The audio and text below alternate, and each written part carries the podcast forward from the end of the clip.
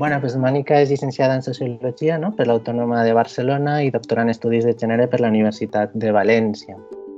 Ha cursat el màster d'Agenda d'Igualtat de la Universitat de València i la maestria en Gènere, Societat i Polítiques Públiques de la Flaxo Argentina. Veig que professionalment has desenvolupat la teva tasca professional o el teu treball com a tècnica i responsable d'igualtat en diferents institucions governamentals, municipals, autonòmiques, associacions i ONGs de l'estat espanyol i també d'Amèrica Latina, entre ells el Fons de Desenvolupament de les Nacions Unides eh, per les Dones, UNIFEM, el que ara coneixem com, com ONU Mujeres. Imparteixes docència en matèria de polítiques públiques i pressupost amb enfocament de gènere a diferents eh, estudis de postgrau de l'estat espanyol. Així, moltes gràcies i tot temps. Moltíssimes gràcies. Jo vull agrair-vos a vosaltres la invitació. El contingut de la presentació està organitzat al voltant de tres grans blocs. En primer lloc, parlarem de per què anem a parlar de pressupostos, si el que ens ocupa és la igualtat entre dones i homes. Una vegada tinguem clar el per què, ens endinsarem en el què, en què consisteixen els pressupostos en perspectiva de gènere. A continuació, eh, entrarem ja en el que són els pressupostos en perspectiva de gènere a l'estat espanyol, com s'estan desenvolupant aquestes iniciatives en les diferents administracions i veure si realment podem dir que, que són una eina efectiva per a la igualtat o si ho hem de qüestionar o en quin punt ens trobem. Val? Llavors, si us sembla, eh, comencem en la, en la primera part la primera part dèiem que era qüestionar un poc no, per què parlem de pressupostos si el que ens ocupa és la igualtat entre les dones i els homes.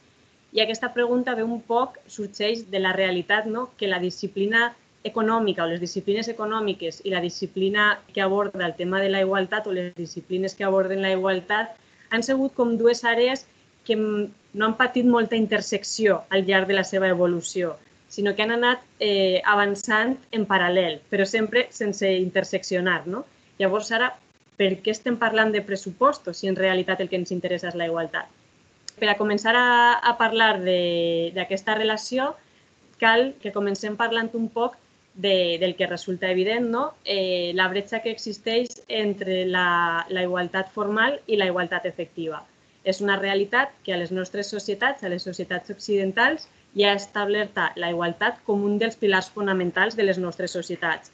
Es reconeix a nivell europeu, a nivell estatal, a nivell autonòmic, tenim legislacions, tenim plans estratègics que fonamenten la igualtat i l'estableixen com a pilar fonamental. Però també som conscients que aquesta igualtat formal no es tradueix en una igualtat efectiva al 100%. Diem que existeix una bretxa no entre les dues. I diem això no perquè és, està a l'abast de tothom el veure no, les diferents desigualtats que ens afecten a, als homes i a les dones. Davant aquesta bretxa, contem amb les polítiques d'igualtat. L'objectiu de les polítiques d'igualtat no és un altre que intentar reduir aquesta bretxa que existeix entre la igualtat formal i la, la igualtat efectiva. No anem a entrar en l'evolució que han viscut les polítiques d'igualtat, però sí que és important per aclarir el, el dilema que teníem damunt de la taula, aturar-nos una mica en l'aparició, diguem, de la transversalitat o, la, o el gender mainstreaming. No?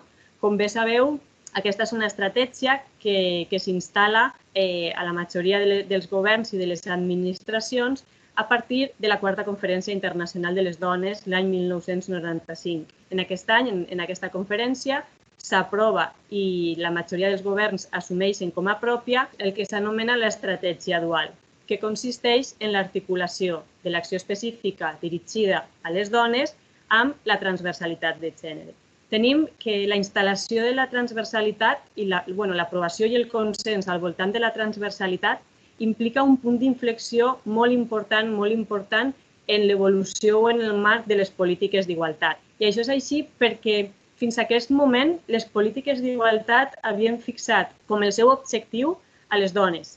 I allò que d'alguna manera es plantejava era que les dones passaren a estar presents en aquells àmbits que estaven més masculinitzats i que les dones no tenien presència. Ara, en canvi, amb la transversalitat, aquesta imatge es va, es va superar, diguem, i es va considerar que el tema de la igualtat no és com a conseqüència d'un problema que tenen les dones per la seva absència en els espais públics, sinó que el problema de la igualtat és una qüestió estructural que està present als diferents àmbits de la nostra societat i del qual som responsables o som víctimes no? tant els homes com les dones.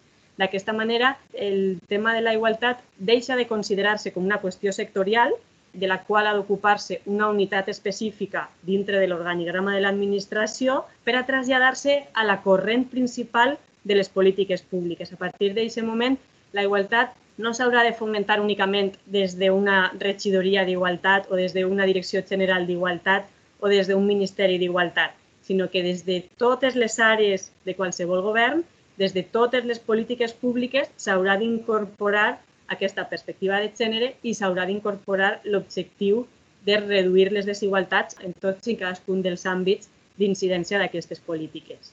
Val? Del que es tractarà ara ja és no de fer polítiques específiques dirigides a les dones, sinó d'incorporar la perspectiva de gènere a la totalitat de les polítiques públiques. Al final, la transversalitat és una proposta realment transformadora que el que proposa és transformar el què cal fer, el com cal fer-ho i el qui ho ha de fer. Per què és important incorporar la perspectiva de gènere en totes les polítiques públiques? Doncs és important perquè eh, moltes vegades, o la majoria de les vegades, o de manera generalitzada, es parteix de la idea que les polítiques públiques, en termes generals, són neutrals, perquè no van dirigides ni a les dones ni als homes, ni a un col·lectiu ni a un altre, són moltes vegades polítiques que es dirigeixen al conjunt de la ciutadania, a les persones i per tant es considera que no, fan, no tenen cap tipus d'incidència en termes d'igualtat, es consideren neutrals. Ara bé, què és el que ens ve a demostrar la, la transversalitat o la perspectiva de gènere? Doncs ens ve a demostrar que aquesta suposada neutralitat de les polítiques públiques el que en realitat amaga és una ceguera de gènere. És a dir, no és que no tinga cap impacte, sinó que les polítiques públiques no estan tenint en compte l'existència de, de diferents rols, de diferent distribució de poders i les conseqüent, la conseqüent existència de diferents necessitats que existeixen en un territori determinat entre els homes i les dones. No tenen en compte aquestes desigualtats. El fet de no tindre en compte aquestes desigualtats en les polítiques públiques implica que no existeixen Implica que les polítiques siguin neutrals? No. Si estem sent secs, si estem ignorant la realitat sobre la que estem actuant, allò que estem fent és mantindre l'estatus quo. És a dir, si no tenim en compte la realitat desigual de la que partim, allò que estem fent és perpetuar l'estructura i les relacions desiguals de gènere que existeixen. Aleshores, que les polítiques i els programes tinguen vocació de neutralitat, que no incloguen una discriminació explícita i que es dirigisquen al conjunt de la ciutadania, això no és garantia de neutralitat ni d'igualtat. Els programes i les polítiques tenen impactes diferents en la població d'acord a les seves circumstàncies. Si les seves circumstàncies són desiguals, els impactes que van a tindre van a ser també desiguals. Davant d'aquesta realitat, es fa evident la necessitat d'incorporar la perspectiva de gènere en la totalitat de les polítiques públiques. Si no ho fem, no estem sent neutrals, estem reproduint les desigualtats que existeixen. Llavors, per què és important la incorporació de la perspectiva de gènere en les polítiques públiques? Per un lloc tenim que és una qüestió de compliment de la legislació. Com sabeu, existeix, tenim legislació vigent que diu la, la necessitat, l'obligatorietat d'incorporar la perspectiva de gènere a tota política pública. Per un altre costat, és una qüestió de qualitat i d'eficiència de les polítiques públiques. I per últim, i jo crec que és la raó més important de totes, finalment es tracta d'una qüestió de justícia social. Del que estem parlant al final és que l'assoliment de la igualtat entre dones i homes, al final del que es tracta és d'una distribució de recursos i de poder. Per tant, no és una qüestió que únicament atany al nivell tècnic, sinó que estem també en una dimensió no, política. Llavors ja hem vist per què és important incorporar la perspectiva de gènere a totes les polítiques públiques i, i ara ens plantegem no, com podem fer aquesta incorporació. Doncs a nivell internacional i per la Unió Europea es reconeixen no, diferents eines que resulten d'utilitat en aquesta tasca que ens va ocupar. Entre aquestes eines tenim els informes d'avaluació d'impacte de gènere, els indicadors i les estadístiques desagregades per sexe, la necessitat de comptar amb organismes específics i especialitzats que es dediquen a, a la incorporació de la perspectiva de gènere i una altra eina que està reconeguda com a eina fonamental per avançar en matèria de, de transversalitat són precisament els pressupostos en perspectiva de gènere. Per què el pressupost eh, s'inclou com una eina important per avançar en matèria d'igualtat? Doncs, en primer lloc, cal reconèixer que el pressupost és l'eina més poderosa de qualsevol administració, de qualsevol govern. Si ens fixem, no? el pressupost és determinant en tant en quant allò que no s'incorpora al pressupost difícilment podrà implementar-se. I a més el pressupost ens permet veure realment quines són les prioritats de qualsevol govern. Normalment, allò que és prioritari és allò que concentra major quantitat de recursos i allò que no ho és tant, doncs té una part més petita o més simbòlica de recursos. D'un altre costat, el, pres el pressupost ens permet fer un seguiment dels compromisos en matèria d'igualtat que ha adquirit el, el govern en qüestió de, de què estem parlant. Una cosa és els discursos que s'empren no? o que es llancen a la ciutadania i una altra després allò que es fa.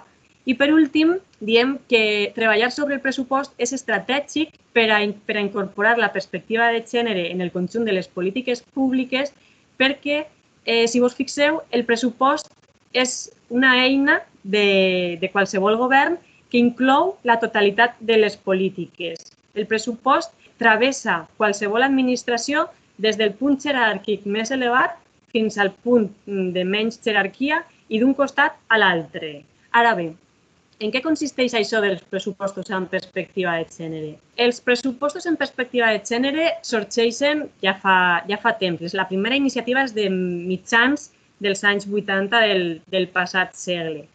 I sorgeixen eh, en un moment en el qual conflueixen el desenvolupament dels plantejaments de l'economia feminista amb el desenvolupament de les polítiques d'igualtat. En relació a, a l'economia feminista, diguem que va ser, eh, va ser com el bressol d'on sorgeixen aquestes iniciatives i d'alguna manera la brúixola que va permetre orientar aquestes iniciatives. I per el seu costat, les polítiques d'igualtat van a ser l'espai que va permetre la institucionalització d'aquest tipus d'iniciatives. Per tant, conflueixen eh, les dues perspectives i el que fan al final és evidenciar que, igual com la resta de polítiques, el pressupost no és neutral. I anem a dir que el pressupost no és neutral perquè, tal com s'ha vingut construint o elaborant o treballant fins ara, el pressupost es caracteritza per ser reduccionista i per ser eh, androcèntric. Per què diem això? Perquè el pressupost, tal com s'ha vingut fent de manera hegemònica, el que fa és pren el model masculí com si fos el model universal i a partir d'ahir s'elabora i es construeix.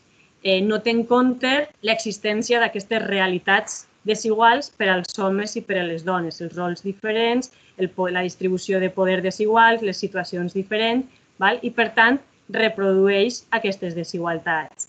I diem que és reduccionista perquè únicament contempla la part que té eh, valor monetari. El pressupost deixa fora, no contempla com a part de l'economia tot el que és, tot el que són eh, les tasques de cures i de les tasques de reproducció social. Quines repercussions té això? Doncs, com, com bé sabem, no? les cures són imprescindibles, ara més que mai ho hem vist i s'ha evidenciat, però és una realitat que les cures estan invisibilitzades, que no estan valorades i que, i que estan completament feminitzades. Això que implica? Les dones parteixen en una càrrega addicional de responsabilitats i de temps que els dificulta eh, d'alguna manera el seu desenvolupament en altres escenaris. I, per tant, la desigualtat eh, és molt difícil de reduir si no s'incidís en aquesta part de, de l'economia, de les cures. El que es proposa un poc des, de, des dels pressupostos en perspectiva de gènere és visibilitzar la importància de les cures, que se valore i d'aquesta manera afavorir a través dels pressupostos una redistribució en la responsabilitat d'aquestes cures. És a dir, que per part de l'administració pública se n'assumisca una part que les, les empreses puguen responsabilitzar-se d'una altra part i per una altra part que a les llars, tant els homes com les dones, es puguen redistribuir aquestes tasques, les tasques de cura, perquè són imprescindibles i per tant cal tindre-les en compte. Aleshores, davant d'aquesta crítica a com s'estan elaborant els pressupostos de manera hegemònica, el que, el que suggereix un poc és reorientar el pressupost públic per tal que incorpore les experiències, les necessitats i les preferències tant de les, de les dones com dels homes, que no siga únicament una mirada androcèntrica la que permea l'elaboració del pressupost. Dues qüestions que són imprescindibles quan parlem de pressupostos en perspectiva de gènere són, per una part, la divisió sexual del treball la importància de les cures, que ja hem anomenat, i per un altre costat, el tema de la interseccionalitat. És molt important no caure en el parany de pensar que les dones som un col·lectiu i que les dones compartim una bateria de necessitats i d'interessos homogenis, val? perquè dintre de les dones eh, hi ha molts col·lectius de dones diferenciats i cadascun d'aquests col·lectius té les seves necessitats i els seus interessos. Al final del que estem parlant és de fomentar la igualtat de gènere per a millorar la qualitat de vida de les persones d'un territori. Quan parlem dels pressupostos en perspectiva de gènere, ens trobem que és una realitat molt diversa Dintre de les iniciatives de pressupostos en perspectiva de gènere hi ha diferents eh, categories o diferents variables val, a partir de les quals es poden construir les diferents iniciatives. Variables que poden ser diferents d'una un, realitat a una altra Tenim, per exemple, qui impulsa la iniciativa. Tenim iniciatives que estan impulsades des de la societat civil, però tenim iniciatives que estan impulsades des del govern. Val? Tot això són variables que poden anar canviant. Tenim iniciatives que se centren únicament eh, en la, eh, la part de les despeses. Altres iniciatives inclouen únicament la part dels ingressos, altres amb dues. Si bé és cert que tenim una gran diversitat de possibilitats, i que no hi ha una metodologia preestablerta clara i tancada val? Eh, en els pressupostos, la pràctica ens porta a la generació de coneixements i d'epistemologia, no a l'inrevés. Sí que és cert que el que diu la bibliografia és que la majoria de les iniciatives passen o haurien de passar per dos grans etapes. Una primera etapa que fa referència a l'anàlisi del pressupost i una segona etapa que fa referència a les propostes. La part que més desenvolupada està és la part analítica, la part que analitza els pressuposts públics. I normalment aquesta anàlisi es centra en la part de la despesa pública i no tant en la part dels ingressos. Un poc els objectius de l'anàlisi són incrementar l'atenció dels governs en la igualtat, disposar de més informació per a oferir a les dones i visibilitzar la distribució econòmica dels recursos i el viatge que, que trobem a les polítiques públiques.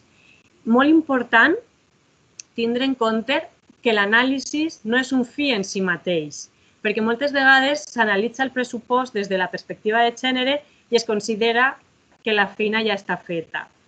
És molt important no caure en aquest error. L'anàlisi és un mitjà i és molt important perquè sense aquest primer, diguem, diagnòstic mm, resulta molt complicat poder avançar i poder fer. Eh, I aquí passem a la necessitat de transcendir a la segona fase, que és la fase de les propostes.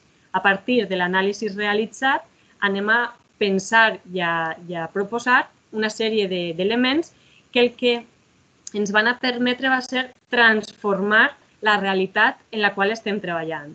Aquesta transformació de la realitat es pot donar en diferents nivells. Eh, les propostes de transformació es poden fer en l'àmbit legislatiu, en l'àmbit dels processos i les polítiques, en la part de la despesa i en la part del paradigma.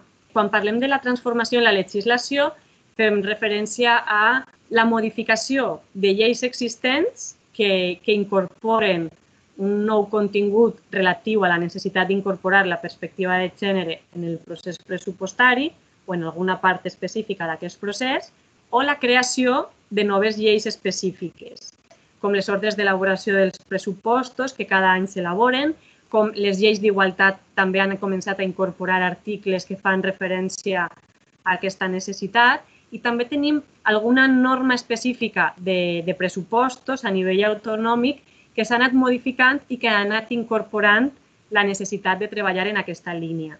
Després tenim transformacions que es donen en els processos i el mateix contingut de les polítiques. Quan parlem dels procés, del procés, parlem del procés d'elaboració del pressupost, que com sabeu és un procés que està conformat per diferents etapes i en, i en cadascuna d'aquestes etapes, la fase de de l'elaboració, la fase de l'aprovació, la fase de la implementació i la fase de l'avaluació o del control pressupostari, podem insistir, incidir en qualsevol de les, de les quatre etapes per a anar transformant els procediments, els protocols, els passos a seguir, els actors que estan involucrats en cadascuna d'elles amb la finalitat d'incorporar aquesta perspectiva de gènere. També podem transformar les polítiques públiques a partir de l'anàlisi de les polítiques que inclou el pressupost, anar transformant objectius, línies d'actuació, indicadors... Val? El tercer nivell és el de la despesa i és complex no, d'incidir en la part de la despesa perquè el primer que cal és qüestionar-nos què entén cada govern, per exemple, per, per igualtat. Si el que volem és mesurar la despesa que cada govern està destinant a la igualtat, al foment de la igualtat, primer haurem de conceptualitzar o tindre clar què entén cadascun dels governs per igualtat. Igualtat és únicament allò que, que es fa des de l'àrea específica d'igualtat o estem parlant de calcular la part de cada política que incorpora transversalitat de la perspectiva de gènere? Com quantifiquem això? els pressupostos, tal com es presenten actualment, dificulten molt poder arribar a aquest grau de concreció val? Per, a, per a comptabilitzar. I per últim, podem, aquestes iniciatives poden afavorir un canvi de paradigma. No? Molt important en relació als pressupostos en perspectiva de gènere, tindre clar que estem parlant d'analitzar i de transformar, d'incidir sobre unes dinàmiques que estan molt fossilitzades, que porten molts anys fent-se de la mateixa manera i damunt estem anant al hueso duro de la qüestió, allà on estan els recursos, no? O sigui, ahí és on està realment el poder de qualsevol govern està en, en el pressupost, no? Per tant, és, hem de tindre molt clar que es tracta de processos de mitjà i llargs terminis i que cal ser perseverant i, i anar insistint. Cal mesurar les forces i planificar un poc la, la, la incidència o el treball que es vol fer. Ara bé, per a poder fer canvis d'aquestes característiques, òbviament no és senzill entrar a una institució, a qualsevol govern o administració i intentar transformar. Hi ha una sèrie d'elements que, que estan presents i que, són, i que cal tindre en compte per a valorar fins a quin punt es pot anar transformant o quins elements ens poden dificultar avançar en, en aquesta línia. En primer lloc, i òbviament, va dependre del signe polític de, del govern en qüestió i de la concepció política d'igualtat. En funció del color polític eh, del govern, segurament tindrem una caracterització dels organismes d'igualtat, unes normes d'igualtat que siguin acordes a aquest signe polític i un plantejament de les polítiques d'igualtat també coherent amb, aquesta, amb aquest signe polític i concepció política de la igualtat. Una altra qüestió que és important és el tema de l'estabilitat i dels canvis de, de govern que pot haver en una determinada administració. Perquè moltes vegades, bueno, ja ho sabem, no? el fet que canvi el partit polític que està en el govern implica un borrón i cuenta nova del que s'ha fet desapareix perquè ho ha fet l'altre partit polític i ara jo he de fer una altra cosa. No es dona continuïtat moltes vegades als processos com a conseqüència dels canvis polítics. Cal també que, que existisca una voluntat real per avançar en aquesta matèria i que es considere que els pressupostos en perspectiva de gènere tenen realment eh, el potencial i l'interès per avançar en transversalitat. I la voluntat real ha d'anar més enllà d'un discurs i s'ha de traduir en la disposició de recursos econòmics i de recursos humans per a poder avançar en aquesta línia. Molt important que per a treballar eh, en aquesta línia s'impliquen els organismes en matèria, en competències en matèria pressupostària, que al final és qui té les competències en aquesta matèria i qui té el poder. Molt important també comptar amb mecanismes de participació de la societat civil. Això a les iniciatives de l'estat espanyol no està present. Val? En Amèrica Llatina la participació sí que està més, més estesa i s'incorpora més, però aquí no. I el que diuen les expertes és que, òbviament, si en les iniciatives tenen cabuda agents de diferents espais, de l'administració, del Parlament, de la societat civil, diguem que hi ha com més pressió, més reforç per a que la iniciativa, la iniciativa pugui tindre un caràcter més transformador. I per últim, el fet que se puguen anar fent aquestes transformacions requereix d'una sèrie de qüestions tècniques com la formació, la disponibilitat d'estadístiques desagregades... Molt bé, què és el que passa ja per acabar en els pressupostos en perspectiva de gènere a Espanya? Doncs a, a l'estat espanyol, i me centre principalment en el tema de les comunitats autònomes, pràcticament ninguna iniciativa ha intentat transformar el paradigma. Sí que van haver un parell que com a mínim ho varen plantejar, però no anaren més enllà, precisament per el canvi de, de color polític en el govern. La part de la despesa eh, d'incidir no, en, en la part de la despesa s'ha intentat en algunes iniciatives, però davant de la complexitat s'ha deixat ahir i tampoc s'ha avançat en gran mesura. I la majoria de les iniciatives a l'estat espanyol s'han centrat en les transformacions en la part legislativa i en la part dels processos i les polítiques. La part legislativa, les transformacions que s'han fet eh, normalment han sigut en les normes per a l'elaboració dels pressupostos anuals, que són aquestes normes que trau eh, l'organisme en competència en matèria pressupostària cada any abans d'elaborar el, el pressupost val? i que diu, dona les directrius bàsiques a les diferents àrees per elaborar els seus pressupostos. Doncs aquí normalment es diu, en aquestes normes s'incorpora algun element que fa referència a la incorporació de la perspectiva de, de gènere. Les lleis d'igualtat, com dèiem abans, algunes s'han modificat per a incorporar algun, algun article que faci referència a aquesta temàtica i fins i tot s'han aconseguit modificar algunes lleis marc de, del pressupost a nivell autonòmic la, el gruix, diguem, de les transformacions o el punt on coincideix en la majoria de les iniciatives és precisament en la part dels pressupost, del, dels processos, perdó.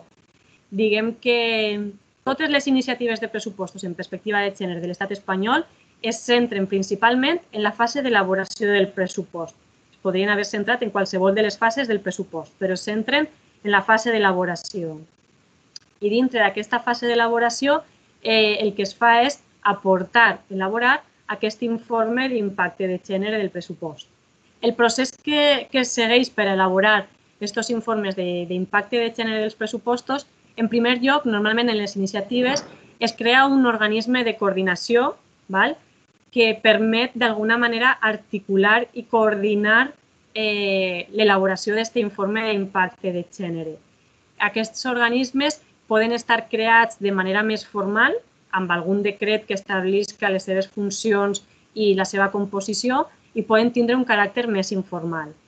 En Andalusia, que ara es pren com el referent, eh, existeix la, la comissió de, per a l'elaboració de l'informe d'impacte de gènere dels pressupostos i en aquesta comissió participen, està liderada per l'àrea de pressupostos, té un rol important l'àrea d'igualtat i després participen totes i cadascuna de les conselleries que formen part del, del govern autonòmic. I un poc aquests organismes de, de coordinació, el rol que tenen és organitzar precisament l'elaboració d'aquest informe d'impacte de gènere. Diguem, després d'aquest organisme, de la creació de l'organisme, el primer pas, normalment el que es fa és classificar eh, els programes pressupostaris segons la seva importància de gènere. Eh, cadascuna de les conselleries Mm, té un llistat dels seus programes i els classifica en funció de la seva importància de gènere.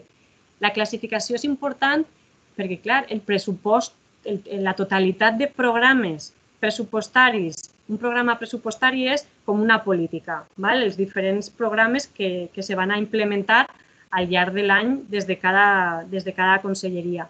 Al final, el incidir en la totalitat dels programes és un volum molt gran de, de treball. No? Aleshores, és important classificar els programes per a veure quins són els programes que tenen més capacitat de transformació de la realitat i d'alguna manera planificar una progressió per a incidir en els programes en diferents anys successius. No voler treballar el primer any sobre la totalitat dels programes, sinó programar una incidència, diguem, progressiva sobre els diferents programes pressupostaris. Una vegada estan classificats, el següent pas és analitzar aquells programes pressupostaris des de la perspectiva de gènere i fer les propostes de millora. És important evidenciar, al final, el nucli de l'informe d'impacte de gènere és aquest anàlisi dels programes pressupostaris. I és important mencionar que aquest anàlisi dels programes pressupostaris l'elabora cada òrgan gestor responsable de cadascun dels programes pressupostaris. És a dir, l'elaboració de l'informe d'impacte de gènere dels pressupostos no recau en l'àrea d'igualtat. Moltes vegades es cau en aquest parany no? de pensar si és un informe d'impacte de gènere, l'àrea d'igualtat l'ha de treballar. No. Si estem parlant de transversalitzar i d'implicar al conjunt de totes les àrees de qualsevol administració o govern en la incorporació de la perspectiva de gènere, l'anàlisi dels programes pressupostaris s'ha de realitzar des de cadascuna de les conselleries, des de cadascuna de les direccions generals, des de cadascun dels centres gestors dels programes pressupostaris. Eh, aleshores, des de cadascun dels, del, cada, cada centre gestor elabora el seu anàlisi del seu programa pressupostari, s'eleva a nivell de la conselleria, a nivell de la conselleria es prepara el document i aquest document sectorial, diguem, des de cadascun dels sectors, s'eleva a la comissió o a l'organisme de coordinació que serà l'encarregat d'elaborar, que és l'últim pas, elaborar el document annex al pressupost, no? que incorpora el resultat de l'anàlisi del conjunt de les polítiques que se volen implementar en l'exercici següent. Un poc, aquesta és la lògica d'allò que s'està fent en els anàlisis, en els informes d'avaluació d'impacte de gènere. Què és el que passa? Que estem parlant i incidint en la fase d'elaboració del pressupost, però com bé sabem, una cosa és allò que s'aprova en el pressupost, però una altra ben diferent és allò que finalment s'executa. La part del seguiment i de l'avaluació està encara també en un estat molt embrionari, però clar, és important seguir la pista d'alguna manera del treball que s'ha fet, perquè si tu fas un anàlisi inicial però se queda ahí i no avalues els resultats finals, molt difícilment vas a poder incorporar propostes de millora. Una altra qüestió que s'ha incorporat és el tema de l'assessorament tècnic. Estem parlant de processos complexos i llargs. Per tant, en les administracions s'ha reconegut la necessitat de comptar amb aquest assessorament tècnic. I per últim, el tema de la formació també és un tema que està prou present. Per tant, els, la, les iniciatives de pressupostos en perspectiva de gènere a Espanya estan transformant sobretot la fase dels processos i de les polítiques. I també s'està transformant la part legislativa. Val? Això és el que tenim un poc. Aleshores, a partir d'ahir per a intentar tancar amb tot el que m'està dient. Evidentment, dir que els pressupostos en perspectiva de gènere tenen un important potencial per a la transformació en favor de la igualtat real i, per tant, el que dèiem al principi, per a millorar la qualitat de vida de les polítiques públiques i, al final, la vida de la ciutadania. És, és veritat també que s'ha avançat molt en aquest sentit, incorporar la perspectiva de gènere als pressupostos, però cal avançar una mica més i no quedar-nos únicament en l'elaboració d'aquests informes d'impacte de gènere. Cal injectar transformació en aquestes iniciatives i una vegada ja tenim instal·lats i reconeguda la importància i la necessitat d'elaborar aquests informes, cal que no ens estanquem ahir i que veiem la manera de seguir avançant per a seguir transversalitzant i millorant la política pública.